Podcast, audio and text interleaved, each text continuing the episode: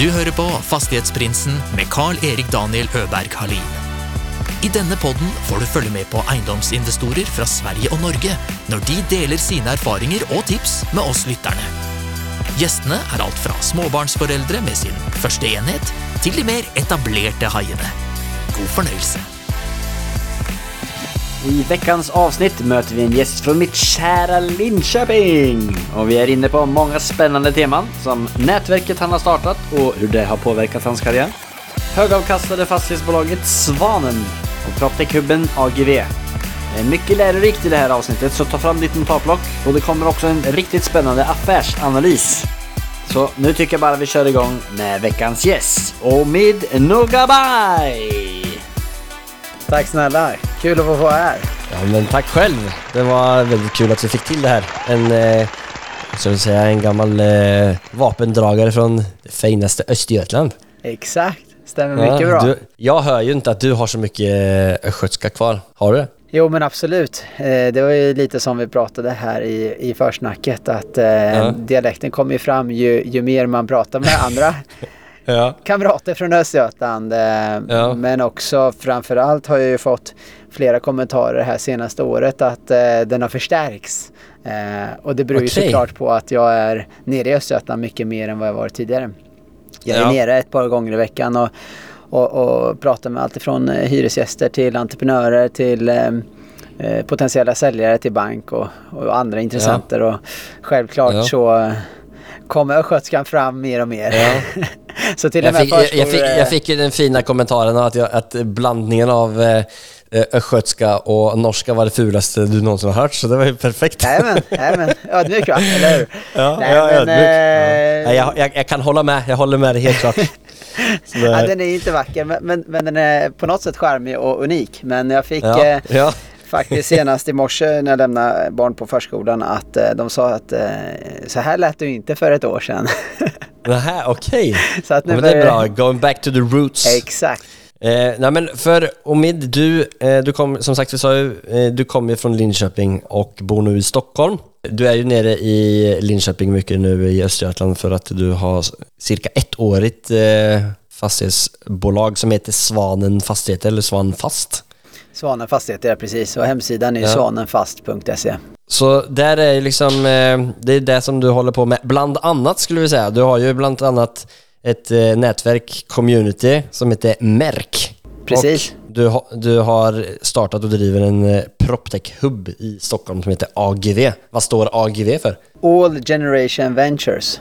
Så idén eh, bakom eh, namnet är egentligen Sven Tumba som eh, en, en så säga, legendar inom svensk idrott som startade några så här golftält som kallas för All Generation. Och Andreas Nordgren som är medgrundare till AGV tillsammans med mig.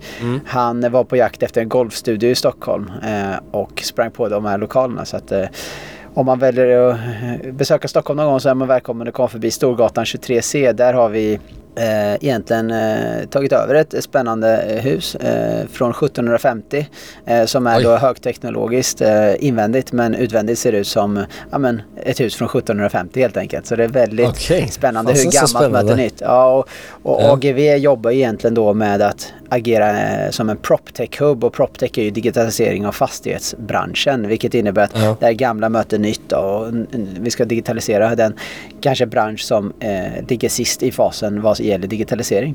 Och eh, Mm. han sökte ju en golfstudio eh, som han ville ha inomhusgolf i så att säga. Och det blev ju Mm. den här lokalen men han var tvungen att hyra 800 kvadrat till.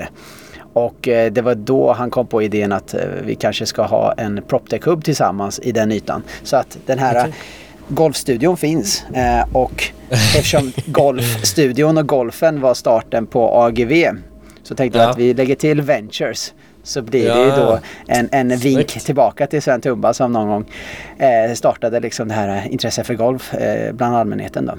Ja, kul, så det är egentligen bara en sån biprodukt av lite golfidé som eh, AGV var. Ja exakt, Nej, men eh, det är ju så. Ibland tas ju saker och ting Ja. i en skepnad som man kanske inte hade förväntat sig. Men, Nej, men någonstans så tyckte jag att namnet ändå var passande i, i sig själv i och med att eh, om du ska ha en, en hubb som attraherar och driver teknologisk utveckling framåt, framförallt i en bransch Mm. som har varit väldigt konservativ. Då vill man ju promota de idéer och, och verksamheter som är Mm. eh, kvalitetssäkrade och teknologiskt säkrade över generationer så att säga. Och Ja. Om du ska framtidssäkra den här branschen då, då passar sig All Generation Ventures rätt så bra därför att det är ju då ventures, det vill säga bolag och affärsidéer som funkar över generationer då så att säga. Så Mm. Ja. att man inte bara gör en så kallad eh, proptech washing eller en ESG washing eller en greenwashing genom en stötinsats utan att det blir oj. någonting som är bestående. Nu slängde du det massa, massa ord som jag inte fattar helt men... eh, en, wa- kan det vara en, en greenwash eller en eh, Ja, det, techwash? är, det, är, det är en grön dusch va? Nej men... Eh, det, Kom, nej, det var men- så Hulken föddes. Exakt. Nej men det är ju många fastighetsbolag där ute som, som är beroende av finansiering. Det är ju så Ja. fastighetsmarknaden har tätt sig de senaste 20 åren att den är ju liksom den största, vad ska man säga, insatsvaran för att driva ett fastighetsbolag numera är inte murbruk, sten och stommar och, och stål utan det är ju framförallt Mm. eh, finansiering och kapital. Och eftersom kapitalet, framförallt institutionellt kapital, mer och mer går mot att eh, endast vilja finansiera hållbara och gröna idéer. Då är ju väldigt många bolag duktiga på så kallad greenwashing och greenwashing är- handlar egentligen om att du framstår dig själv eller ditt bolag eller din verksamhet som grön genom punktinsatser. Eh, mer av en marknadsförings eh, Okej. i ett marknadsföringssyfte mer än att man faktiskt genuint jobbar med hållbarheten i sig då. Och då Ja. är det ju så att många vill köpa den här typen av proptech-lösningar för att det ser bra ut. Ja, men jag har digitala Ja. lås till exempel eller jag skickar ut mina aviseringar digitalt eller jag har digitala skyltar. Men man gör det inte i hela beståndet, man gör det på en eller två fastigheter som man använder som demolägen eh, lägen, så att säga. Och då är det viktigt för oss att vi ska se till att de här bolagen som faktiskt frodas i AGVs community är livsstarka i sig själva så att de också är hållbara i sin affärsmodell. Det vill säga att de faktiskt skapar ett värde för fastighetsbolagen på riktigt och inte bara blir en statusprodukt eller en greenwashing-produkt om du förstår vad jag tänker. Ja. Eh, för ibland så eh, kan ju fastighetspersoner och nördar som jag själv eh, stirra sig blinda på ett driftnetto. Det vill säga hyresintäkter minus driftkostnader. Och så Ja. är det någonting som kommer in där på driftkostnader som man kanske hade skurit, kunnat skur, skära bort då.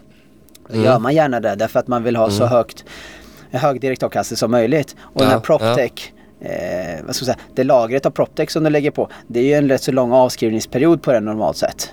Eh, Okej. Vilket innebär att du kanske inte får effekt dag ett. Om du byter ut Nej. alla dina vanliga lås till digitala lås så kommer det säkert ta ett par år innan du får eh, ekonomi i det. Men Mm. då handlar det om att du inte bara ska göra en stötvis insats i något av Nej, husen okej. som banken eller investerarna tittar på Ah. utan du gör det i hela beståndet. Och då Ja, är det det viktigt att man en, eh, hjälper till så att proptechbolagen förstår hur de ska jo- jobba och skruva sina affärsmodeller så att man faktiskt kan sälja på riktigt, på egna meriter och inte bara för att det råkar vara en positiv trend just nu att man vill digitalisera och jobba med grönt om du förstår mig. Nej. Ja men bra, tack. Det var en väldigt fin eh, förklaring och det var väldigt intressant. Eh, Jag tänkte att vi bara hoppar tillbaka lite grann och eh, lite snabbt punktvis bara att du får berätta lite mer om vem Omid är och hur det kommer sig att du ramlade in i fastighetsbranschen. Kort och gott kan man väl säga egentligen att jag växte upp mina första åtta år, eh, eller sju år blir det, i eh, Linköping i Skäggetorp. Ett utanförskapsområde. Eh, som präglas mycket av eh, ja, men, eh, rätt så mycket stök. Eh, så att jag skulle säga att den första katalysatorn till att jag sitter där jag gör idag och jag har det livet jag har idag är mycket tack vare mina föräldrar som tidigt kom på att miljö och var man bor är den enskild största faktoren eller den faktorn eller den, den påverkningsfunktionen som, som finns i e- e- ett barns liv. Därför att den sätter ju ramen för vilket nätverk du får, vilken social precis. kontext du har och Ja. eh, hur du uppfostras. För någonstans så är det ju så att eh, även om föräldrarna är med en som barn rätt så många timmar om dagen eh, så är det ju faktiskt så att det är skolan och eh, dina kompisar och den närmiljö som du, du, du- du, växer upp i som präglar dig mest. Eh, Ja. Så att då flyttar de till något som heter Tallboda som var kanske ett av mer säga, ursvenska områden om man kan säga så när jag var, var åtta år då. Och det, det gjorde ju då att jag eh, bland annat eh, fick en ny bästa kompis som, som heter Emil eh, Jakobsson och han är med mig i Svanen idag faktiskt. Det är lite Jaha, spännande. Eh, ja, att Ja. vi knyter ihop säcken. Men, men det, Ja. det, det, det var en, en spännande faktor för mig då. Och, och sen så växte jag upp där och, och, och föräldrarna är akademiker så att de, de sparade upp pengar för att köpa en ja, sedvanlig eh, kedjehus eller radhusliknande Mm. småhus då. Och eh, därefter så, så, så bodde jag i Australien ett år med, med nuvarande tjej så vi har varit tillsammans i 16 år nu snart. Och eh, under Wow. Ja, eller hur? 16 år är inte dåligt. Eh, Nej.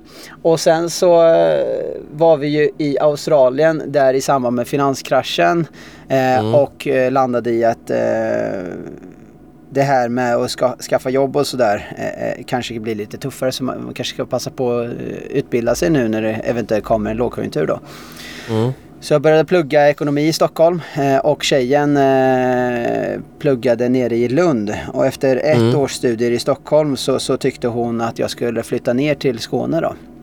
Därför Ja. att eh, studentlivet är mycket mer spännande och, och eh, uppe i Stockholm så kände jag mig liksom inte riktigt hemma. Eh, Så att jag fick tips av henne faktiskt om en utbildning inom fastighetsekonomi på Malmö universitet.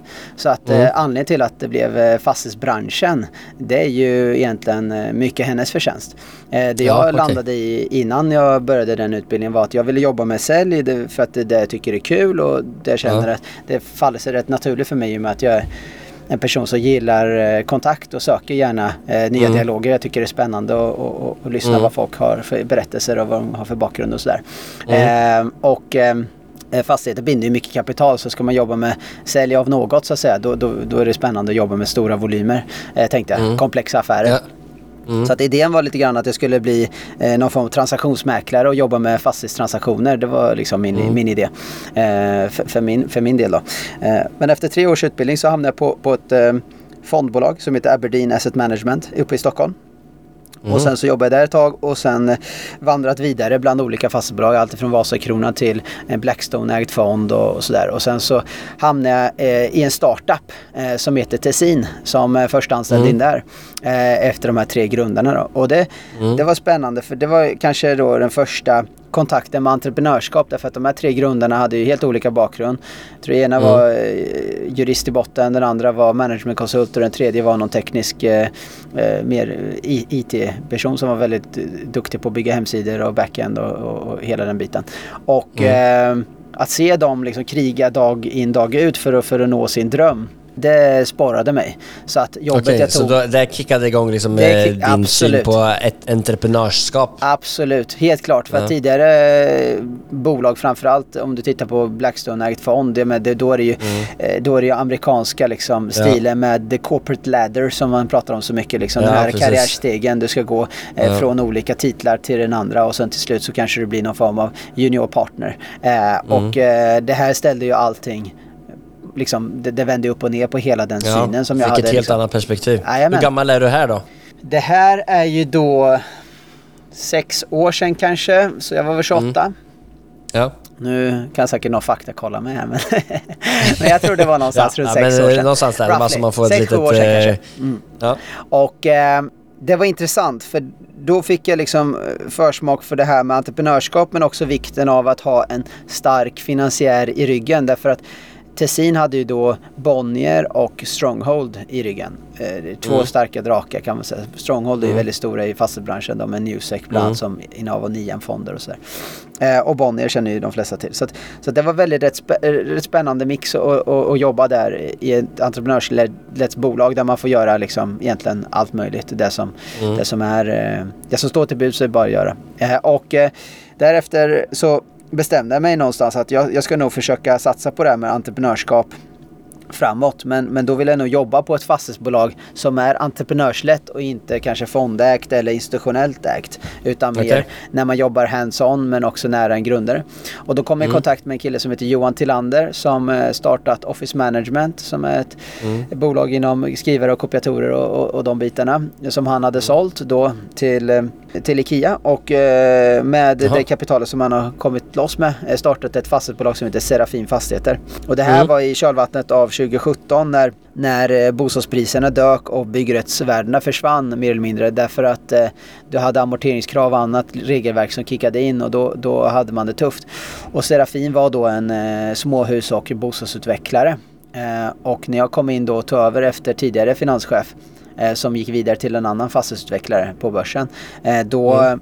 stuvade vi om bolaget lite grann och eh, satte upp ett till fast, ett ben med, med mer kommersiella fastigheter och kassaflödesstyrda fastighetstillgångar. Ja, okej. Och eh, där fick jag ju chansen att jobba nära en entreprenör som någonstans var self-made och hade ett otroligt driv och ville verkligen eh, lyckas. Och man fick också försmak på det här med att kunna starta upp nya ben och nya inriktningar precis Mm. så länge man ville eh, och så länge det fanns eh, liksom en idé som var intressant nog och det, fann, det, det backades upp av en intressant affärsplan. Medan Mm. typ i en Blackstone koncern eller i, i ett Aberdeen-skal eller Vasakronan som jag varit i tidigare. Där fanns det Ja. inte på tanken att man helt plötsligt startar ett nytt affärsben så att säga. Så att Nej, okej. man kunde ta ett möte på eftermiddagen, gå hem och skissa på det i två veckor, komma tillbaka och sen så var det go på den så att säga. Mm, Och helt plötsligt okej. hade vi köpt kommersiella fastigheter för över 100 miljoner. Så att jag menar du vet, Mm. det kan gå rätt så fort och det tyckte jag var väldigt spännande.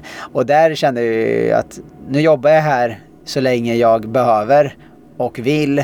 Eh, och därefter starta mitt egna. Så det blev väldigt tydligt liksom. Ja.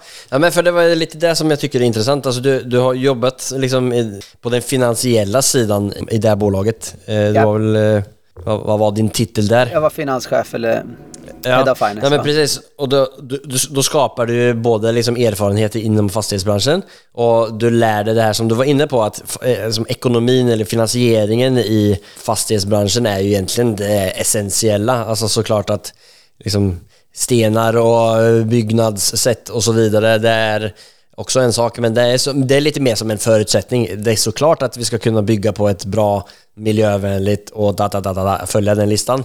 Men nyckeln är ju nu mer, okej, hur ska man kunna skruva på finanserna på ett bäst sätt? Så det är Exakt. liksom, det är intressant tycker jag att du kommer från den världen, eller vä- vägen. Eh, och så är det ju andra som jag snackar med i podden till exempel, de har kommit antingen har gått den vägen eller så har de gått den vägen att de kanske har köpt en lägenhet, flippat och sen med de pengarna så flippar de två och så flippar de tre och så flippar de fem eller bygger och så vidare. Så, men, till slut så kommer man ju ändå tillbaka dit där du är nu. Att det är finans, alltså man kommer alltid till ett, om man har ambitioner till att växa i alla fall då, så kommer man ju till det stadiet att finansen måste på plats på ett ordentligt sätt. Jajamän. Och nu när du hoppar vidare då från, från det, det jobbet då, vad är steget vidare till att du startar eh, eh, Svanen Fastigheter som du driver idag? Nej men det är precis som, som du är inne på. Jag, jag lärde mig ju väldigt mycket hands-on kring, alltså från att du har en idé på pappret till att gå Mm. ut och faktiskt knacka dörr och själv ringa eh, till fastighetsägare. Och inte jobba så som man gjorde tidigare, eller jag gjorde tidigare via de här fonderna där man fick eh, mäklarprospekt till sig som man satt och analyserade och i någon form av budgivning och i, i någon form av konkurrens lämna anbud. Mm. I, I en eh, lite mindre koncern som Serafim ändå är, då, eh, då har man ingen chans att lägga de högsta buden därför att du har inte bästa finansieringen helt enkelt. Om du har billigare kapital då kan du lägga högre bud, så enkelt är det. och Eh, eftersom vi inte hade billigt kapital utan vi hade grundarens kapital som han har krigat ihop eh, med egna händer så hade han ju väldigt eh, högt men också rimligt avkastningskrav. Och med den eh, spelplanen, så får man, eller med, med, med de förutsättningarna får man ju spela bollen där den ligger och då var det ju egentligen bara att handjaga in fastigheterna via kalla samtal helt enkelt. Och det Ja. där kanske de här den här eh, känslan av att jag tycker om sälj och, och relationer och nätverkande och prata med folk kommer in rätt så bra. Det kanske inte är den vanliga kvaliteten hos en finanschef att själv sitta och handjaga in Nej, nej. affärer heller. Men, men vi hade ett väldigt bra team så att eh, jag gjorde inte allting såklart men, men jag var ändå en, en bidragande orsak. Och eh, där, man, där vi landade i egentligen är att Då lärde jag mig egentligen den delen, att ta det från en pappersprodukt till verklighet. Och sen ska man ju Mm. då gå med samma affär till banken och övertyga dem om att det är en bra affär. Och få dem Mm. att gå med på finansieringen så att säga. Och att göra den hela kedjan så att säga från, från idé till förvärv till finansiering och tillträde. Eh, och göra det många, många, många gånger. Eh, och inte bara vara med i en del av, alltså en länk Nej. av flera, hela kedjan som många gånger man hamnar i när man är på större bolag. Man kanske bara jobbar med transaktioner eller man kanske bara jobbar med finansiering eller bara jobbar med eh, tillträdesfrågor eller förvaltning. Så fick jag ändå vara med i helheten och sätta affärsplaner för fastigheterna och följa upp affärsplanerna hos förvaltaren så att man säkerställer att det faktiskt blev en bra avkastning också. Då kände jag efter ett tag att ja, men det här kan jag nog göra själv. Och du nämnde ju Märk eh, tidigt och det var väl ungefär åtta år sedan som jag var med och grundade eh, det här affärsnätverket Märk. Och den grundar sig också lite grann i det här att det fanns många olika typer av nätverk och konstellationer uppe i Stockholm. Men jag och, och, och en till person som, som, som var med och, och tog initiativet, vi båda kände väl att vi inte var härifrån. Och, och vi hade Mm. inte det här etablerade nätverket och det föll sig inte så naturligt att, att man kunde hänga med sina alumnikompisar från till exempel KTH eller Handelshögskolan för, eftersom vi inte hade pluggat där uppe. Eh, och vi hade ingen etablerad kompiskrets i, i branschen heller sedan tidigare. Då tänkte jag att ja, men då startar vi en egen verksamhet där, där vi attraherar de främsta talangerna i fastighetsbranschen som är under 40 år. Och sen så får Mm. vi då jobba oss fram den vägen. Och hela idén med Märk är ju att matcha unga talanger med de främsta mentorerna eller främsta eh, utövarna i fastighetsbranschen kan man väl säga. Och då har jag haft förmånen att lyssna och, och lära av alla de stora eh, spelarna i fastighetsbranschen. Allt ifrån Ruth Granlund till Erik Selin till David Mindus och vad de nu kan Wow. heta. Eh, och det har ju också triggat igång att nu Mm. när man lyssnar på dem och märker att visst, de är fantastiskt duktiga men det är inga superhjältar. Utan det är vanliga människor som, som har haft en dröm och ett driv. Det, det, det, det skjuter ju fram mina egna spärrar och höjer ju mitt eget glastak lite grann. För jag tror ändå någonstans att är man normalbegåvad så kan man passa på och testa i alla fall. Eh, och, och många gånger sitter spärren hos en själv och inte utifrån Ja, så att säga. klart. Och eh, jobba nära Johan Tillander, en superentreprenör, få lyssna på de här eh, märkmentorerna om och om igen, månad efter månad eh, och har fått den förmånen. Då kände jag att det är väl dags för mig också att prova någonting. Men man måste ju då hitta sin nisch, det är ju det viktigaste och inte bara springa Ja. efter första affär. Och det är väl Ja, då vi precis. kanske knyter ihop säcken till Linköping och Östergötland. Där Mm. idén var att, okej vad har jag gjort då? Ja, men jag har jobbat med eh, kommersiella fastigheter i en väldigt konkurrensutsatt marknad som är då Stockholm, eh, Stockholms län, eh, Storstockholm kan man väl säga. Och Ja. jobbat eh, intensivt där, där det funnits alla möjliga typer av eh, eh, intressenter på de objekten som vi har bjudit hem. Eh, och då är det allt ifrån fonder till institutionella ägare till privata investerare som vi var då också men också utländskt kapital. Och tänkte att det här borde ju gå att göra i Östergötland fast på ett mer effektivt sätt där det är en mindre eh, vad ska man säga, skara intressenter på fastigheterna och den marknaden är inte lika mogen och konsoliderad som uppe i Stockholm. Nej. Så att eh, det är idén till Svanen så att säga och då hade jag klurat lite grann på den eh, och varför namnet Svanen är ju för att knölsvanen är Östergötlands landskapsdjur så det ska ju spegla Aha, då att vi är Det visste jag faktiskt inte. Nej, men du är ju skötte, det borde du veta. Ja, Ja, ja. ja. nej, men du har ju, du har ju eh, knölsvanen då som, som, som landskapsdjur och då tänkte vi att det ska spegla att vi är en lokal förvaltare med lokal förankring då helt enkelt. Och då Mm. var det lite spännande att jag eh, ja, tog upp kontakten igen med, med min gamla barndomsvän Emil då som, som nu jobbar som förvaltare i bolaget. Eh, Mm, som för han, en, han jobbade med fastigheter. eh, Nej, det är också lite spännande att jag tror ju mycket på det här med att man kan ställa om. Så precis på samma sätt som att jag inte har eh, jobbat med hyresrätter som vi har i Svanen eh, tidigare utan primärt jobbat med kommersiella fastigheter i form av lager, industri, kontor och liknande. Mm. Så eh, ställde vi om till hyresrätter då när vi nu valde att gå till Östergötland då, med tanke på att jag ser vakansrisken som en stor faktor i mindre städer. I Stockholm går det Mm. ofta att hyra ut bra men, men, men i mindre städer kan det vara en utmaning. Så då valde jag hyresrätter som, som, som en hyfsat defensiv men också konjunktur, konjunkturstabil eh, tillgång. Men Emil han har jobbat med sälj. Eh, han har eh, lite liknande bakgrund som mig själv.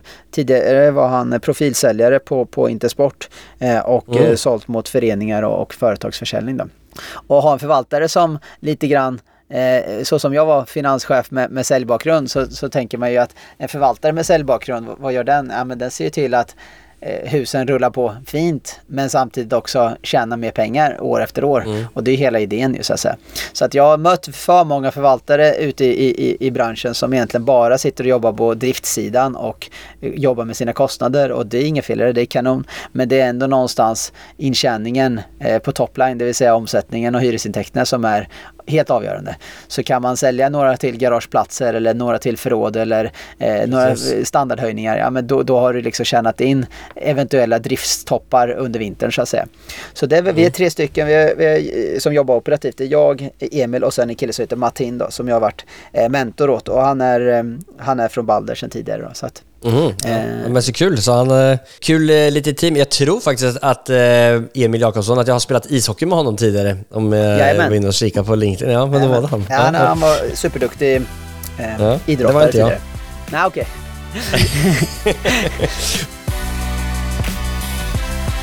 Eh, jag vill fördjupa mig lite mer i det där med svanen. Jag ska bara skjuta in några, ett litet eh, sju snabba frågor till dig.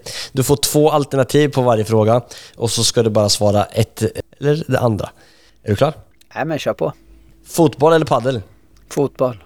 Nybyggsutveckling eller gamla husutveckling? Vi har ju en eh, brown to green strategy, det vill säga vi ställer om hus från bruna, det vill säga eh, icke miljövänlig drift till eh, mörkgrönt. Det är svårt att mm, ställa om dem till ljusgröna så att säga. Eh, nu Ja. när de är kanske 30, 40, 50, ibland 60 år gamla. Eh, men jag Mm. tar eh, befintliga hus alla dagar i veckan. Kan du köpa dem till någonstans mellan 10 och 20 000 kvadraten och du bygger nytt för vadå 30 till 45 000 kvadraten beroende på Ja. var och när och hur. Eh, så, så tar jag det alla dagar i veckan. Dessutom så får du ju eh, inte den här risken att du måste sätta för höga hyror så att eh, hyresgästerna inte kan, sen kan betala bara för att du ska få ihop dina kalkyler Ja, så att du kan ta modesta hyror.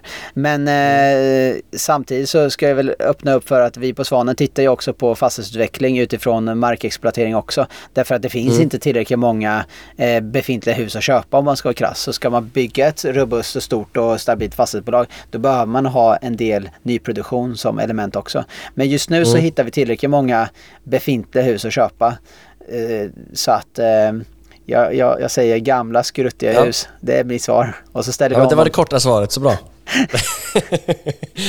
Fastigheter är min passion. Jag menar Ja, fotboll och paddel. Ja, men Och det, det är det som är så jävla tacksamt att ha den här podcasten, för det, du bara bjuder in en nörd inom fastighetsbranschen och så, så här, Jag kan ställer du prata en i fråga. två dagar om du ja, vill. men, det, ja, det är helt underbart, jag älskar det. Det är jättebra. Jag får lära mig så mycket. Du kan ju massor, så det är superkul. Då hoppar vi vidare då. Vi kör flip eller cashflow?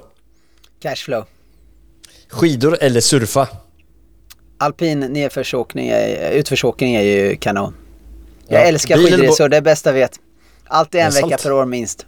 Måste alltid med grabbarna. Det är liksom, den är stående inbokning. Vi bokar den alltid i augusti varje år. Ja, det vill säga till ja. nästa år. Mm. Får du ta Norge nästa, år, nästa gång då. Varför inte? Jag har faktiskt aldrig varit i norska fjällen så det, det borde man prova, Nej. helt klart. Ja, då bokar vi in det. Får Bra. snacka med grabbarna nästa Bra. augusti.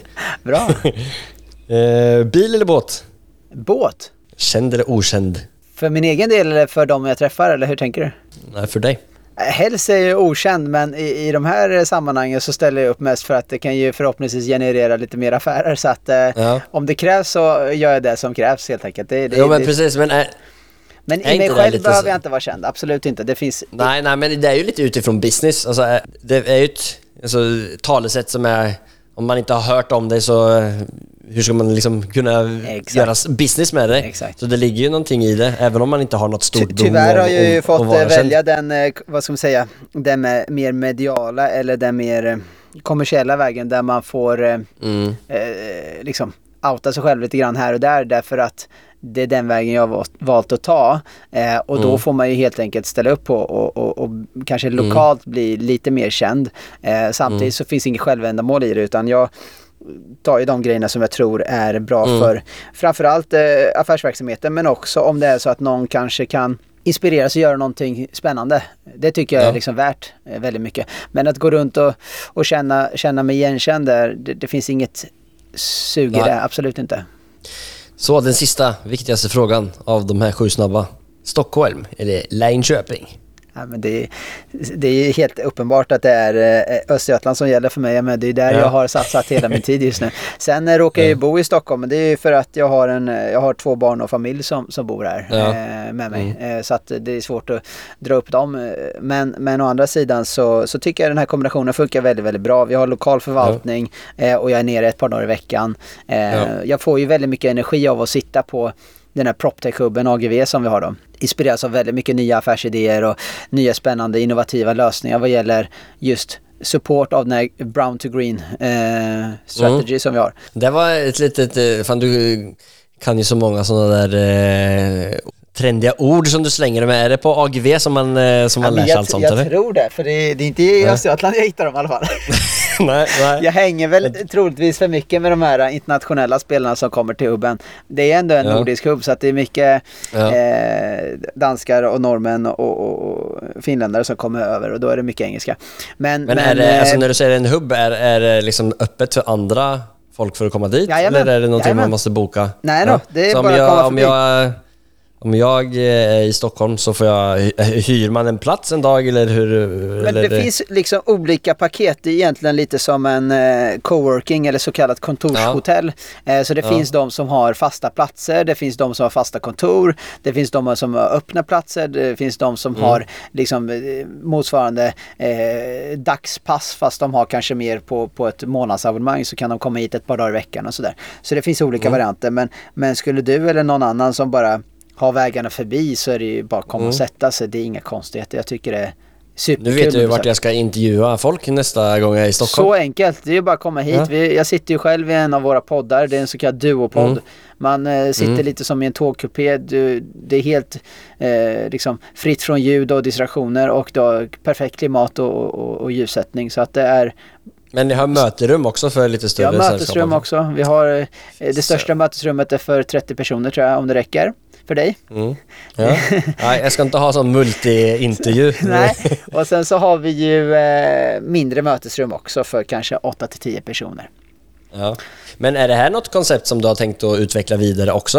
Eh, till andra, stä- alltså andra städer eller andra länder också? Absolut, vi, vi eh, öppnade upp för det. Vi, vi var med i en eh, artikel på den här tech-tidningen Breakit och då ställdes Ja. faktiskt den frågan till, till, till mig, Andreas och sen Felix då som är VD på AGV om vad är nästa steg och, och kan ni tänka er att expandera det här?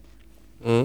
Och det hade varit jättekul eh, om vi kunde knyta oss an till någon fastighetspartner eller någon form av coworking-aktör som har spännande lägen som den skulle vilja fylla upp med nischad coworking. För det här är ju ändå nischat. Det är nischat mot Ja. PropTech och det är bara den typen av bolag som sitter där. Och de som kommer och besöker hubben är generellt sett bara intresserade av den typen av verksamheter. Och vad är det för personer som kommer hit? Jo men det är investerare som vill inves- investera i PropTech. Det är fastighetsbolag som är våra partners som vill eh, åtnjuta senaste teknologiska ut- eh, möjligheterna och kanske testa av lite PropTech. Och sen så är det ju framförallt eh, andra PropTech-bolag då. Mm. Så att eh, jag tror den här nischade coworkingen eh, kommer sprida sig. Eh, och ja, det, kommer tror nu- jag, det tror jag helt klart att det kommer. Ja, för jag menar du vill inte bara sitta i ett kontorshotell och så Nej. den som är granne till dig är kanske arkitekt och nästa granne är en redovisningsbyrå och den tredje kanske är någon form av fastighetsutvecklare och, och, och det är i bästa fall så att säga om du har den typen av, av eh, så. Det kan ju lika gärna vara så att någon är klädhandlare och någon, någon, någon annan kanske jobbar med design av någonting. Eh, och, Mm. och då har man egentligen ingenting gemensamt mer än att man behöver en flexibel plats så att säga.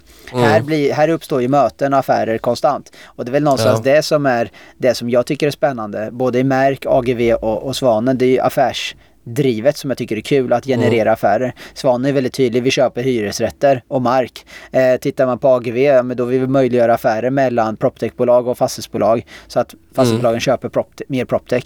Eh, Tittar vi på Märk så vill vi att unga hungriga personer ska kunna göra mer affärer med varandra och snabbt accelerera i sin karriär. Så det är liksom Mm. varit lite grann det temat jag Ja. har gått efter.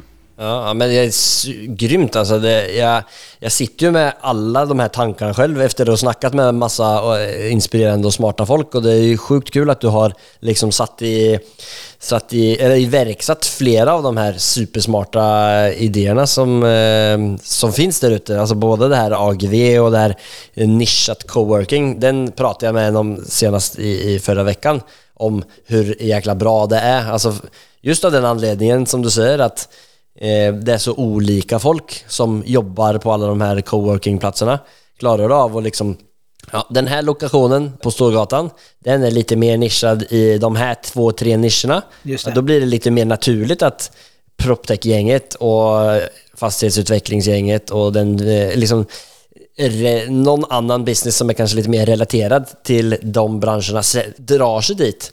Men på den andra sidan så på eh, Kungsgatan så är det mer klädfirmerna och eh, liksom de typer av entreprenörerna som sätter sig där. Exakt. Så, och det gör ju liksom att hela coworking-konceptet blir ännu mer styrkt och Ja, mer man- attraktivt. Man, precis som du säger, man brukar prata mycket om så här, varför är Småland en sån entreprenörsdriven region eller, eller avgränsande ort så att säga.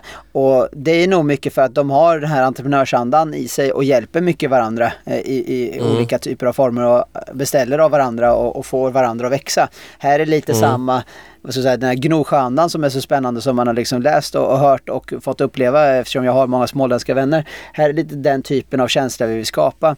Anledningen till att vi har fullt uthyrt och vi har kö på att sitta på AGV. Eh, det är inte för att vi är särskilt fantastiska personer och att man vill vara här hos oss. Utan det är ju för att de vill sitta med sina andra branschkollegor där de kan hjälpa varandra och sälja in sin lösning tillsammans mot ett fastighetsbolag. Och det är flera Precis. av dem som har vittnat om att de har suttit på de här större kontorshotellsdrakarna där de egentligen inte får mer än ja, men en schysst miljö såklart och bra service från en reception eller kringtjänster. Men i övrigt så genererar det ingen affär. Och om du har ett ställe som genererar business 365 dagar om året då är ju det värt i sig att sitta där så att säga för då sitter du mitt i marknadsplatsen.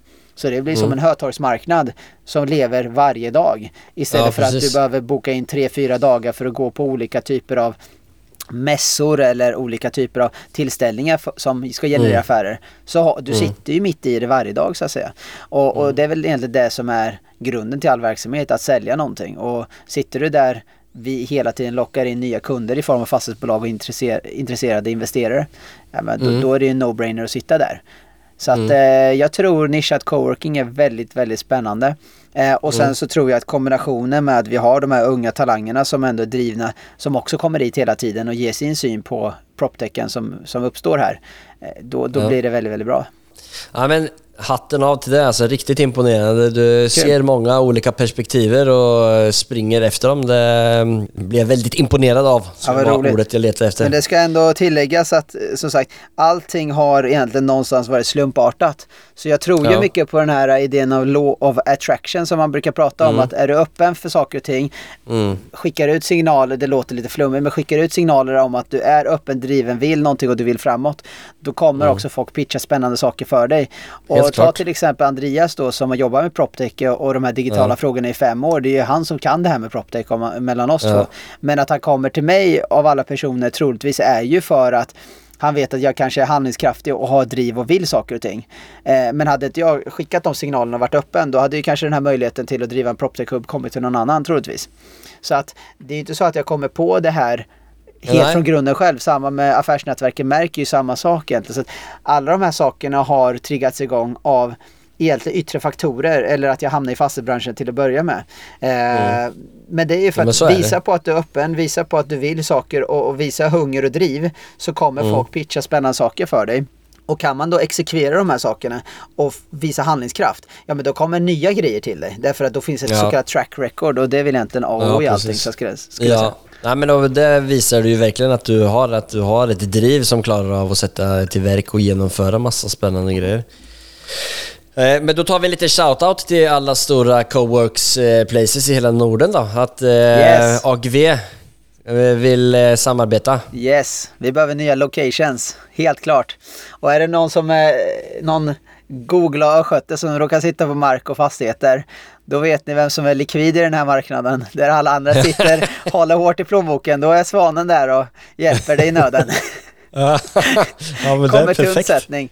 Nej, men vi Ja. håller faktiskt på att förhandla om en affär på drygt 100 lägenheter nu. Och, och det var lite roligt, jag satt med banken här i morse och han sa så här Fan, du är så jävla modig som ska göra affärer i dessa tider. Och då sa jag, ja men det är väl nu jag får till med affärerna. Jag har ju stångat med blodig och få göra affärer här under förra hösten. Men då ville ju ingen Ja. sälja för allting kändes ju helt fantastiskt och det var ju bara vad ska man säga, solsken och, och, och regnbågar i, i horisonten. Precis. Men nu när det börjar komma lite mörka moln då är det nog många av de här äldre herrarna som kanske har suttit på sitt bestånd i 20-30 eh, år eh, som ser att ah, men det här kanske blir en eh, lågkonjunktur som kanske varar ett par år och då kanske inte lika roligt att sitta på de här fastigheterna eh, och få samma passiva kassaflöde.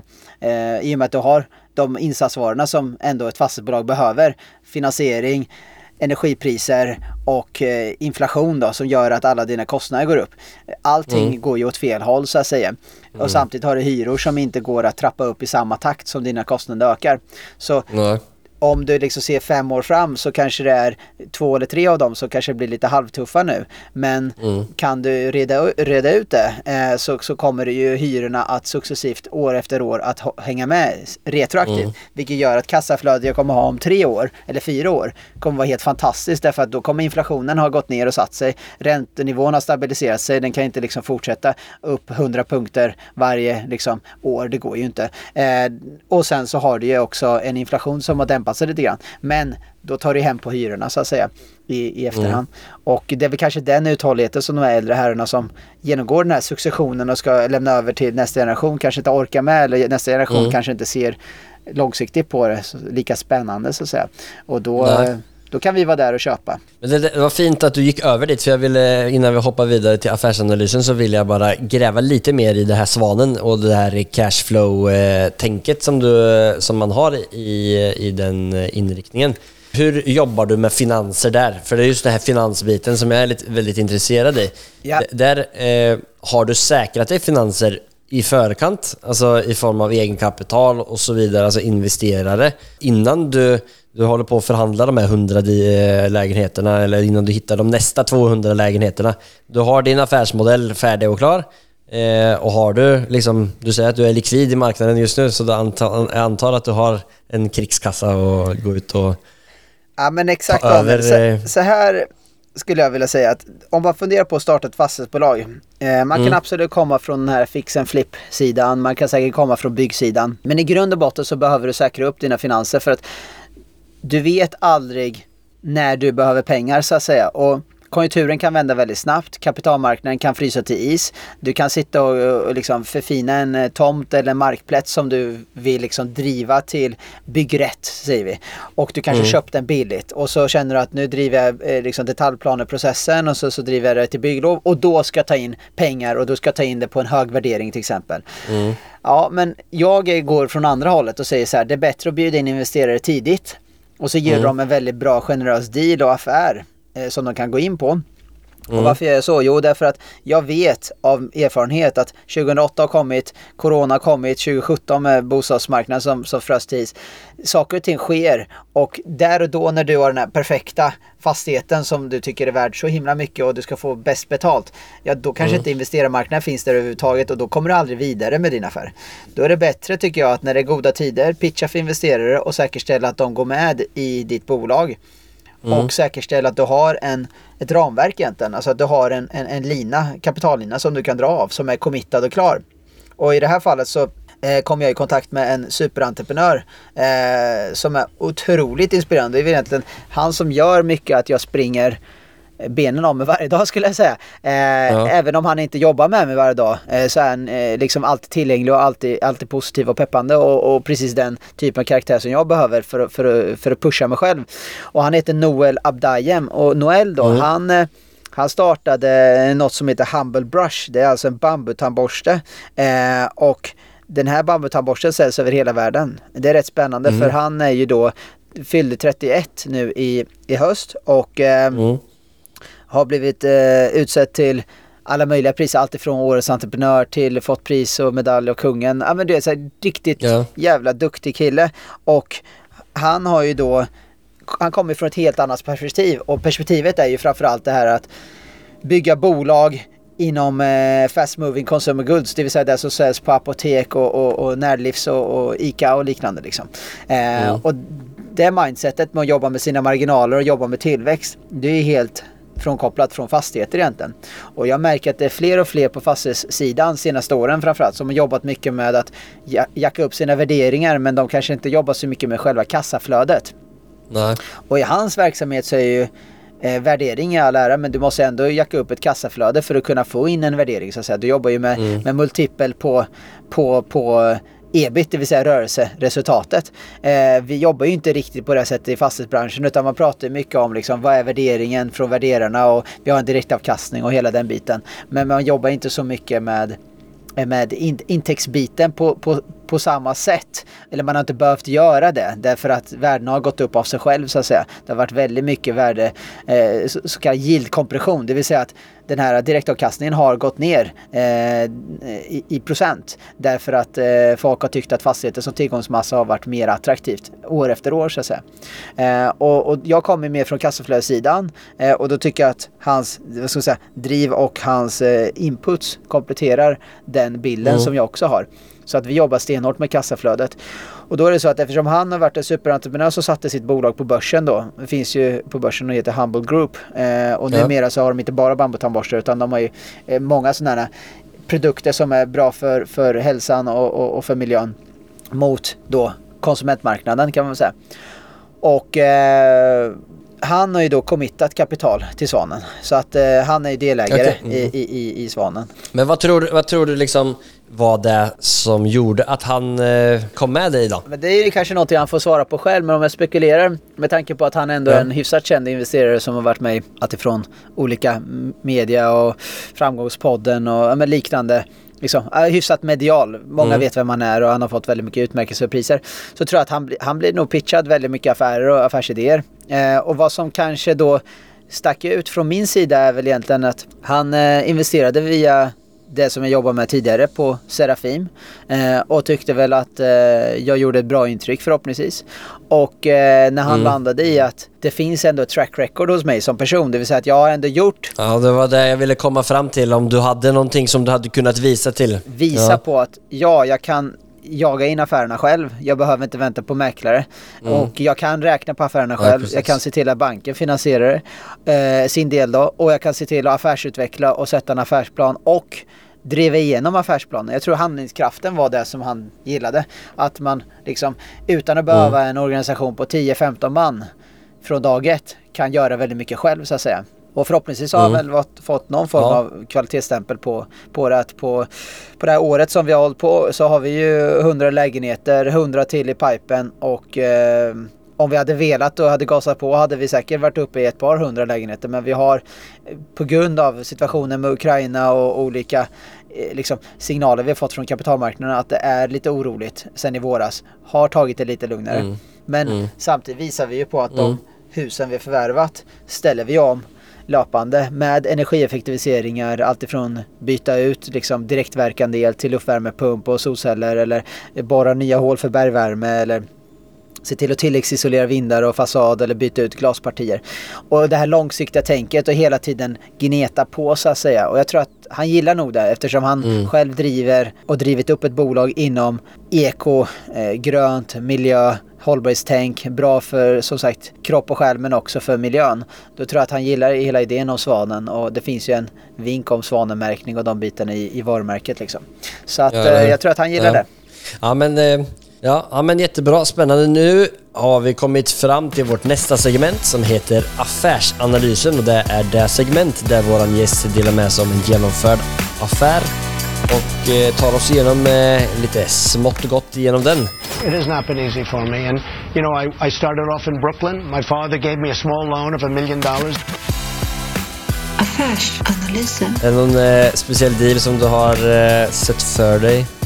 Dela med dig Jag om? tänker nästan att man ska prata om eh, framtida affärer, eh, som vi, hur vi gör affärer framåt och, och varför jag tänker så. Därför att eh, hur man gör, gjort affärer för ett halvår sedan eller ett år sedan, eh, det är ju helt ur Mm. spel nu. Därför att då, Okej. då var det ju liksom sedvanlig bankfinansiering på kanske 60-70 procent. Eh, du hamnade på en direktavkastningsnivå som värderarna och marknaden tyckte var okej. Och sen tog det i hand och så var det okej. Mm. Jag menar, och det enda som särskilde Mm. kanske att jag fick göra vissa affärer och andra, det var ju för att jag själv tog upp luren och ringde dem innan säljarna kom på att de skulle gå till en mäklare eller att de skulle kanske sälja den. Utan jag planterade fröet och visade att jag hade kapital och och jag kunde Mm. göra det enkelt för dem och så, så köpte vi va. Det är nu det blir spännande Daniel att göra affärer för att det är nu alla sitter på Mm. händerna och är osäkra och oroliga. Mäklarna vet inte var priset ska landa någonstans. Bankerna sitter still och finansierar sina befintliga kunder och gör inte särskilt mycket.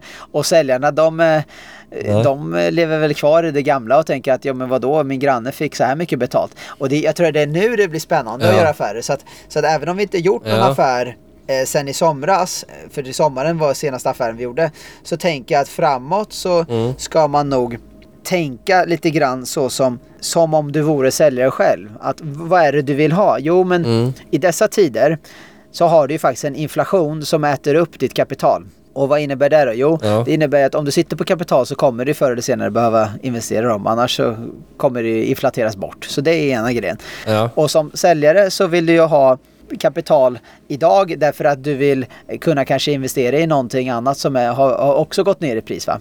Och som säljare idag jämfört med kanske för ett halvår sedan så, så är det inte det lika intressant att äga de här tillgångarna passivt om du inte som jag och Emil och Martin är ute varje dag och, och jobbar med våra tillgångar. Vi, vi investerar i dem och vi, vi, vi skruvar på saker och ting, vi hyr ut och så här. Utan om du bara ser som hyresrätter som passiv tillgång då, då tror jag att det inte är lika roligt längre. För att dina insatsvaror i form av finansiering, eh, energi och framförallt eh, material och, och eh, tjänster har gått upp i pris på grund av inflationen egentligen. Och eh, då kan man ju tänka sig att, jag menar, vad vill de här passiva herrarna som är kanske plus 50-60 år ha? Ja, men de vill ha kapital och så kan de stoppa in det i någon form av obligation som ger dem en löpande kupong, egentligen samma sak, utan att du behöver ha själva fastigheten, alltså tillgång. Eller så kan du köpa någon preferensaktie i börsen eller så kan du köpa eh, Sagax eller Castellum eller Balder som ger liksom rätt så hygglig avkastning och är nedpressade. Va? Så vad som är nyckeln idag för att göra bra affär tror jag, det är att du faktiskt har pengar. Så att du inte liksom behöver villkora av att banken ska gå med på det eller att du ska hitta nya pengar. Så det är egentligen steg ett. Och har du inte dem, se till att skaffa pengarna först. Och sen kan du gå ut och jaga affärer. För att min erfarenhet är att om du ringer upp säljare för det finns inte så många säljare. Alltså dina leads är begränsade. Framförallt om du har o- område som du jobbar med. Och du inte kan stå för det Ja. budet sen som du lagt. Ja men då kan du lika gärna lägga ner. Är du med jag menar Daniel? Det vill säga om du har 100 Ja. potentiella säljare i, i, i de geografierna som jag har valt. Om du ringer 40 av dem och så får du till ett möte och så till slut så till och med får du göra affär och du har handslag på det och så kan du inte göra affären. Det kommer ju sprida sig som en löpeld för de här mikromarknaderna pratar med Ja, just varandra. Så den affären vi gjorde i Motala här i somras, den, eh, det blev lite av ett eh, riktmärke för oss. Där vi gjorde affär med en fin, stor fastighetsägare. Lite grann spännande Mm. anrik familj som har liksom fint renommé i porten. Och de brukar sällan sälja och de valde att sälja just till Svanen. Det gjorde att många andra nu Mm. som jag har pratat med, som jag haft dialog med sen i höstas som har sagt nej tack vi vill inte veta av dig, eh, du behöver inte ringa mer igen. Så kan Ja. de tänka sig att ta möten och där har vi liksom potentiellt de här 100 lägenheterna mm, som vi ska göra affär på. Då. Och det är ju mycket tack vare så här Gör rätt för dig, håll vad du lovar, se till att du har finansiering och inte bara bjuda eh, eh, ett, ett pris som du inte har täckning för. Men också följ upp och, och, och vara transparent och hela tiden vara nära den säljaren och, och, och visa på att du är seriös. Eh, för återigen, annars så uppfattas du som någon som bara tar deras tid. Och tiden är ändå någonstans det viktigaste valutan vi alla har. Eh, oavsett om du har en miljard i fastigheter eller om du ska bygga upp ditt eh, nya fastighetsbolag. Då, så, att säga. så idag skulle jag säga om man kollar på en bra affär. Det är ju hitta pengarna först och då kanske det låter svårt men, men det är bara att göra det. Och så får du erbjuda de villkoren som den finansiären som du vill ha eh, behöver för att få ihop sin avkastningsnivå. Och sen nummer två, gör lite kreativa affärer och hur menar jag då? Jo, genom att du får ju göra affären kanske kontant för att bankerna kommer vara eh, li- lite långsamma i den här marknaden för att de måste själva hitta sin, sin, sin prisnivå och, och känna sig bekväma och då måste du ha täckning för att göra affären kontant. Sen kan du ta in värderare och ta in värderingar och, och stuva upp ordentliga, ordentliga affärsplaner och, och, göra rätt för dig och hålla eh, järnkoll på fastigheterna. Och sen får du ta in en refinansiering då.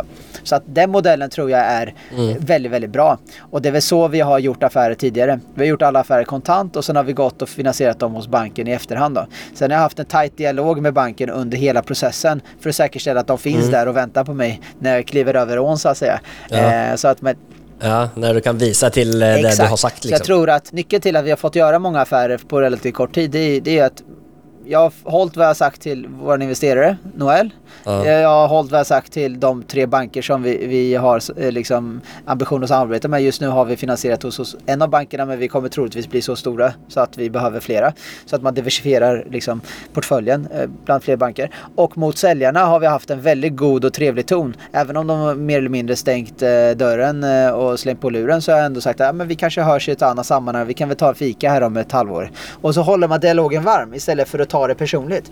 Eh, för det är väl egentligen det enda jag har lärt mig i fastighetsbranschen är att eh, de här relationerna är väldigt viktiga att eh, underhålla. För det är samma personer som gör affärerna kontinuerligt.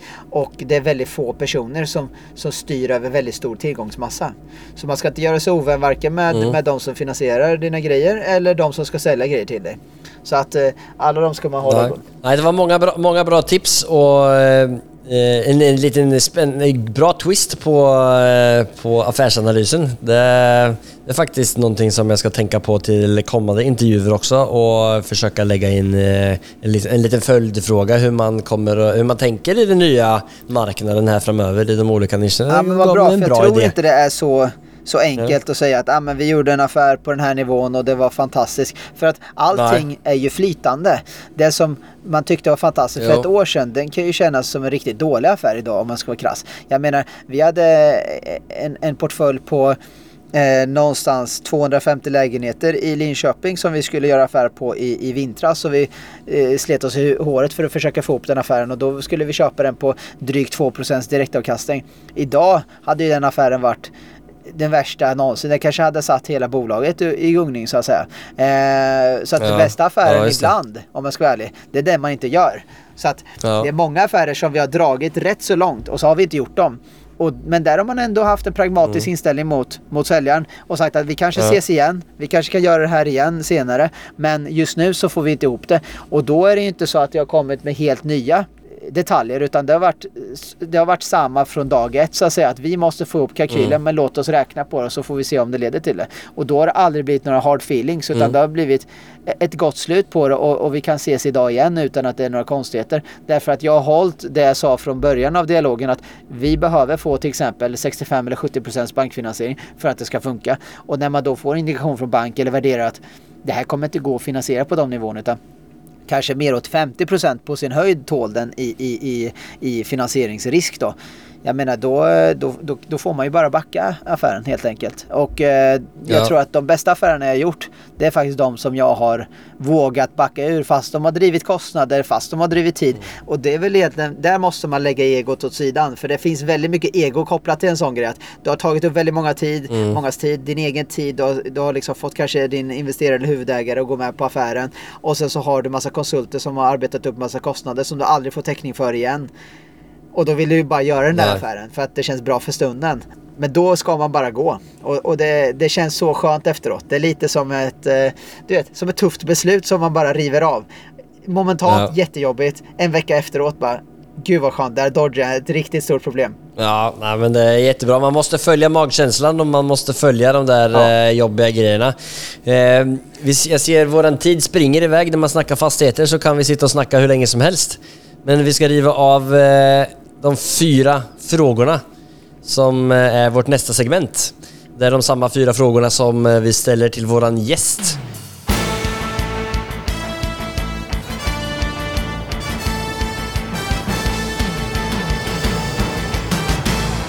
Cuatro preguntas. Den första frågan är, vad är det som skiljer en framgångsrik entreprenör mot de som inte lyckas, slutar eller aldrig kommer igång? Är jättebra. Jag, jag märker att du har ju tagit inspiration från Bigger Pockets podcast. Helt klart. Det hade inte funnits som, eh, Ja, de om där jag är inte hade hört fantastiska de den. där killarna. Alltså, jag lyssnar på dem där i säkert sex Ja, ja. Ja men det är grymt bra. Eh, och magiskt att vi har en, en eh, lokal Daniel som kör, kör Eller hur? motsvarande segment. Och det, det är ju jätte, jättebra. Jag tror så här att det som särskiljer en duktig entreprenör jämfört med de som inte lyckas. Då tittar jag mycket på dem som inspirerat mig till att jag testar mina vingar. Och det är framförallt att göra. Alltså bara kom igång. Få Ja. någonting gjort. Mm. Ring samtalet. Lägg ett bud.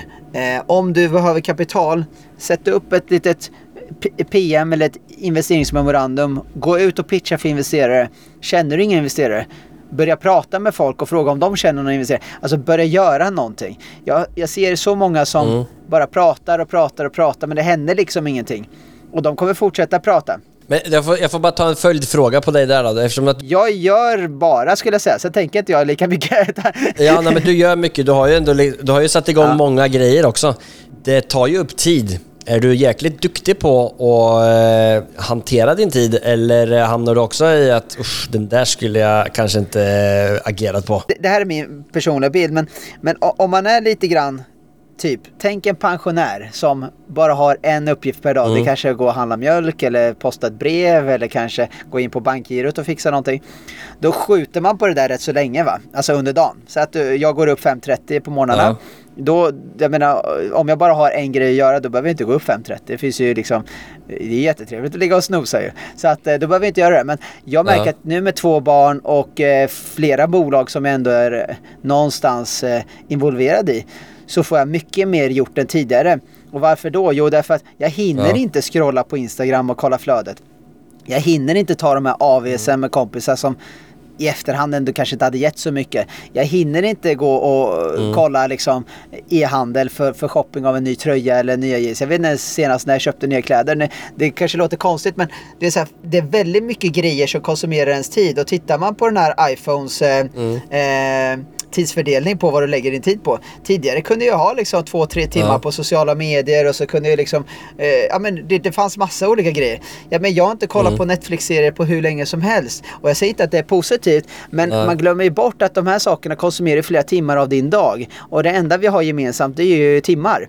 Så att jag tror mycket på att ha etablerade team i varje sak man ger sig in i. Så har du till exempel då en ambition att ha flera verksamheter igång som, som jag nu jobbar med och får det att funka. Då måste du ha någon som faktiskt äger frågan som är riktigt duktig och självgående.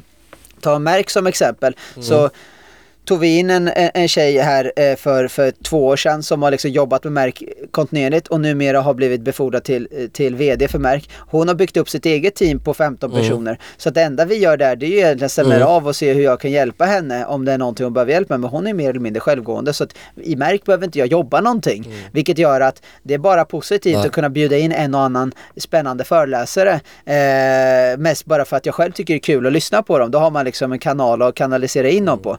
Tittar man på AGV så har vi ju coachat och drivit upp en person som heter Felix Sandqvist nu senaste året. Och han han har gjort det där föredömligt vilket gör att han är ju självgående och har sitt eget team med, med, med två, två medarbetare.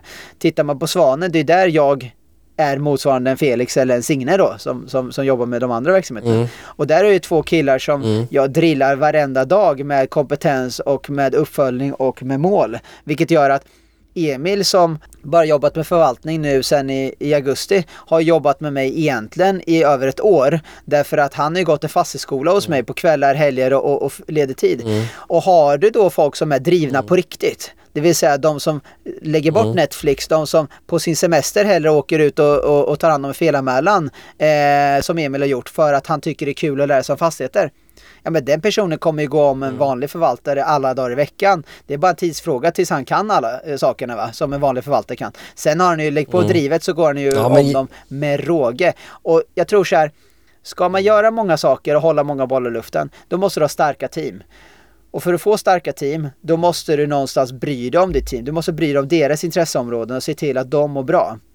Så att det jag lägger mycket av min tid på det är att säkerställa att folk runt om mig mår bra. Att de har det kul, att de känner sig motiverade, drivna och peppade och känner att de har förutsättningarna för att lyckas.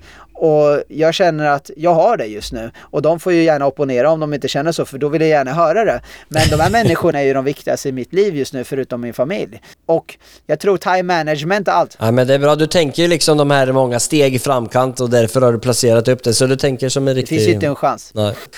Vi hoppar vidare till andra frågan som är om alla fastigheter var tillgängliga för dig, om pengar inte var motivationen. Vilken fastighet hade du förvärvat och Det varför? där var ju spännande. Eh, jag, eh, jag gillar ju gamla hus. Jag tycker det är kul att titta på eh, spännande gamla hus som har byggts liksom av någon form av byggmästare som faktiskt byggde det till sig själv och gärna har bott i den själv på byggmästarvåningen nummer två till exempel. Och, och du vet, smyckat Ja. ut det med olika typer av eh, fastighetsdekoration och sådär. Eh, så att jag hade, det hade väl varit något stenhus i Stockholm i så fall. För det är ju där de absolut finaste husen Ja. ligger. Eh, men, men å andra sidan så finns det ju ofta ingen ekonomi i det. Så att, eh, Nej, nej, men det var ju det. exakt. Är det bara glädjeinvestering då hade jag nog tagit eh, någon av Ja. de eh, fina husen på Strandvägen tror jag. Det är eh, faktiskt en annan från Linköping som sa. Eh, Magnus. Lidin eh, sa också att Ja, han ja, var sugen då på dem. så. Det är någonting. Alla Linköpingsbor siktar på de där eh, på Strandvägen. Exakt. Mindervärdeskomplex vet du. nej då, de är väl jävligt fina då. Ja, de är faktiskt jättefina. Om, om, eh, eh, om du har något bra boktips för en som är intresserad i fastighetsinvesteringar? Eh, jag skulle säga att eh, det finns många fastighetsböcker som är bra. Men jag tror Mm. faktiskt att den bästa boken som jag vet för de som kanske inte normalt sett läser mycket böcker utan behöver en introduktion och komma igång med läsandet. För jag har haft läsande som en del av, av, av mina morgonrutiner. Att läsa eh, ett visst antal sidor bok per dag. Nu har det Mm. Ja. blivit sämre med det här senaste året för jag jobbar mer eller mindre varje vaken timme och det varje gång Ja. jag vaknar upp på morgonen så tänker jag på de här grejerna jag håller på med svanen och Ja. sådär. Och då hinner jag liksom inte komma igång med läsandet utan jag Nej. hoppar på mejlen och nya grejer hela tiden. Men tidigare läste jag väldigt mycket i alla fall och då läste jag ungefär en bok i månaden och tyckte det var jäkligt spännande. Och då skulle jag vilja säga att Eat That Frog är en fantastisk bok. Den Ja. är kort, koncis och snabbläst eh, och lättläst. Ja. Och, och det som är bra med Eat That Frog det är att den handlar egentligen om, om, om time management och hur du ska eh, budgetera din tid på bästa sätt. Och Frog är ju en groda då och, och ät, Ja. fro, ät grodan eh, bygger egentligen på att du gör en rangordning över vad som är dina mest prioriterade uppgifter under dagen. Ofta är det Ja. den jobbiga, köttiga uppgiften som man väntar med till slutet av dagen. Men då är du som tröttast och det är risken är att den halkar över till nästa, veck- nästa dags to-do eller nästa Ja, veckas to-do. Och då börjar du med den svåra, jobbiga jävla grodan. Det första du gör. Och så diskar Ja. du av den. Då blir allt annat mycket enklare. Eh, jämfört med Hoppar, att eh, sitta och beta av mail och, och det, hitta på olika Mm. ursäkter varför man liksom håller sig uppehållen under dagen. Eh, så gör det som faktiskt du har valt som din prioritet nummer ett. Inte Mm. vad som kommer till dig, det vill säga sms, samtal, mail. Strunta i att svara, bara släpp det. Och så gör du det som du skulle göra som nummer ett idag. Och det är väl lite 80-20 regeln att 20% av, av vad du faktiskt gör ger 80% av Mm. resultatet. Och här är ju liksom Ja. Eat Frog är väldigt tydlig på den. Så läs Ja, den nej, och sen... Jag har hört om den, men eh, den ska jag skriva upp Ja, på läs den. läs, eh, läslistan. Så du har liksom lagt bort att läsa några sidor på morgonen och bara börja äta groda direkt. Ja, Eh, jag käkar grodor. Bra diet. Ja, Ja, och det är ju också på temat Frog därför att att läsa bok är ju en av de mindre viktiga sakerna per dag. Så mina grodor Ja. idag är ju inte kanske utveckla eh, min kompetens därför att jag har Nej. fullgod kompetens för att göra det jag gör idag. Nu handlar det bara om att göra. Och istället för att Ja. hitta på ursäkter och prokrastinera och skjuta fram saker och sitta och läsa en halvtimme eller en timme, då kan jag väl bara jobba istället. Sista frågan då. Nämn det mest storartade, roliga, minnesvärda sättet som du har firat en genomförd affär på. Är du en partyman? Ja, men vi, vi firar alla segrar som vi får. Samtidigt så skulle jag vilja säga att tyvärr så firar vi ju liksom inte själva affären eh, så Nej. mycket. Eh, för då känns den ju redan klar. Eh, ofta Ja. firar vi liksom i ett sånt här skede när vi liksom är nära affär. För att hålla oss peppade så att säga. Eh, minnesvärd.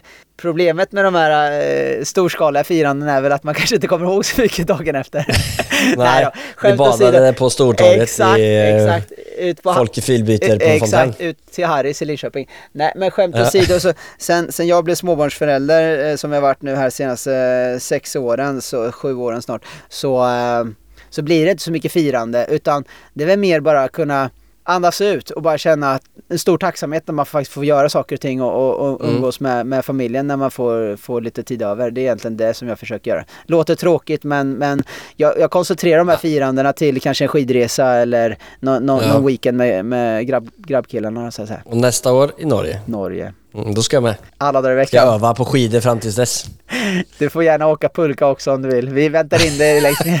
Ja men det är jättebra. eller så ses vi på afterski direkt. Du kan sova Ja, ut. jag, jag, står, jag står där nere och väntar. Exakt. Du nämnde ju tidigare att du var att ni ser liksom efter kanske samarbetspartner inom coworking eh, eller att ni ser efter mark eh, för att bygga på eller andra hus i Östergötland som eh, hyreshus. Är det något speciellt annat som du ser efter eller är det summerade bra där? Ja, men jag skulle säga att alla som är entreprenörer, du, du nämnde någon Magnus Lidén där som jag Ja. har inte så bra koll på. Men alla dessa typer av entreprenörer som har gjort många bra grejer, som är kloka, som är lokala i Östergötland. De kommer jag gärna i kontakt med därför att det finns alltid Mm. någonting att samarbeta kring. För ofta när du är en entreprenör så har du ett brett fint kontaktnät vilket gör att det i sin tur kan leda till en affär. Så många av de affärerna jag har gjort hittills de har ju varit tack vare referenser. Det har kanske inte varit så Mm. att jag direkt har ringt den personen som äger fastigheten utan jag har ringt en kanske en motsvarande en entreprenör som sedan tidigare har lyckats på regionen. Och den har fattat tycke eller eh, fått förtroende eh, för mig och har i sin tur rekommenderat eller, eller adresserat en affär. Så att är det någon entreprenör eller, eller en spännande figur i, i Östergötland som, som vill diskutera fastighetsaffärer eller diskutera möjliga upplägg så är jag jätteintresserad därför att jag är nyfiken och, och vill gärna komma i kontakt med dem.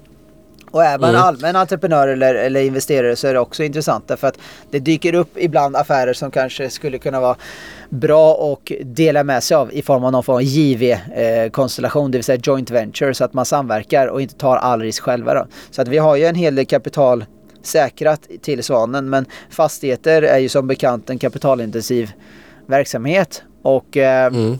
Fler plånböcker är inte dåligt när du jobbar med Nej. och vi har ett bra dealflow så att säga så att det vore, vore kul att titta på nya. Men någon av, om någon av alla de här eh, plånböckerna eller entreprenörerna eh, vill eh, komma i kontakt med Omid, eh, hur når man dig på bästa sätt? Du kan mejla mig på omid, alltså Olof Martin Ivar David snabela svanenfast.se Fast är ju då FAST, förkortning på fastigheter. Annars finns det ju på Link, LinkedIn finns ju också. LinkedIn kan du ju länka till, där får man ju också se. Ja, men länk, då länkar vi till, eh, till LinkedIn och till eh, Omids mail. Tacksam för det. Superbra. Kul! Och vill Ja, man snacka ja, entreprenörskap hoppas- all, allmänt så är jag också nyfiken och intresserad. För att man kan alltid lära sig av de som har lyckats för, eh, tidigare. Då, så att säga. I och med att vi är precis i Ja. början av vår resa. Ja men jättebra. Tack så jättemycket Omid för att du var med och delade med dig massor eh, innan vi släpper vidare här. Om, jag skulle, om du skulle vilja passa vidare mikrofonen till en annan fastighetsentreprenör som jag skulle intervjua. Vem hade du eh, tänkt hade varit kul då? Ja, men jag tycker Sven-Olof Johansson är en väldigt spännande person. Eh, om vi fortsätter Mm. på tema Östergötland. Han Ja. kommer från Ödeshög. Eh, har ha, haft möjligheten att träffa honom ett par gånger och eh, eh, nu har vi även bjudit in honom för att föreläsa på, på Märk då. Och eh, Ja. ja. men han, han är så spännande på det sättet att han har ju varit med i alla krascher egentligen som vi kan minnas nu. Eh, I nutid, Ja. alltifrån 90-talet till 2000 till 2008 till till den här 2017-dippen, till corona Ja. och sen nu då. Eh, och ha Mm. en sån person och kunna bolla med är ju, är ju få förunnat och kan man lyssna på honom så tycker jag man ska göra det därför att han har väldigt smarta och kloka inspel. Eh, så att han har varit med ett tag. Eh, så han är spännande. Eh, och skulle jag kunna tipsa om en till eftersom jag är ju Östgöta, Östgötavän och älskar Östergötland. Då skulle jag kunna tipsa om Johan Karlsson som startade Slättö. Eh, Johan Ja. är ju en, och, också en jäkligt duktig entreprenör. Eh, till skillnad från Sven-Olof har inte han varit med lika länge. Eh, han är lite äldre än mig Johan men, men ändå relativt ung. Eh, och eh, lyckas bygga upp ett eh, jättebolag eh, i form av. Slätta förvaltning då som förvaltar eh, många miljarder och bygger faktiskt och utvecklar mycket i Östergötland. Alltifrån Norrköping till Linköping och sådär. Så Johan Karlsson också är helt fantastisk att lyssna på. Ja men jätte, det var supersnällt. Då förväntar jag mig att du lägger in ett gott ord till både Sven-Olof och eh, Johan. Alla dagar i veckan, det är bara att hänvisa till mig. Jag tycker att de är eh, fantastiska och jag ser fram emot att lyssna på dem. Även om jag redan hört dem flera gånger så Ja. alltid nytt, spännande. Ja, I Bigger ja, men Pockets grymt. anda. Ja, eller hur? Ja, men tack så jättemycket Omid. Nu ska jag få släppa vidare dig. Och eh, det var jätteroligt att snacka med dig om eh, fastigheter och alla andra. Massa goda tips har jag fått med mig här. Hoppas ni också har fått det som lyssnar. Tack för idag. Vi hörs Omid. Tack, tack. Många pusselbitar som jag tar med mig efter det här samtalet. Finanser och relationer, det är så viktigt. Och vad är det som händer framöver i marknaden? Tycker det är ett fint perspektiv där Omid säger att det kan dyka upp många möjligheter i bland annat cashflow-enheter som inte ger lika mycket avkastning nu i det korta cirka tre års perspektivet. Om man är hungrig och villig till att skruva och jobba in och vänta in inflationen, energin och räntans justeringar är det nu du kan få en riktig uppsving på köpen. Så med det sagt är det tid för mig att tömma spargrisen och börja bjuda lågt på ett ton av fastigheter. Ha det!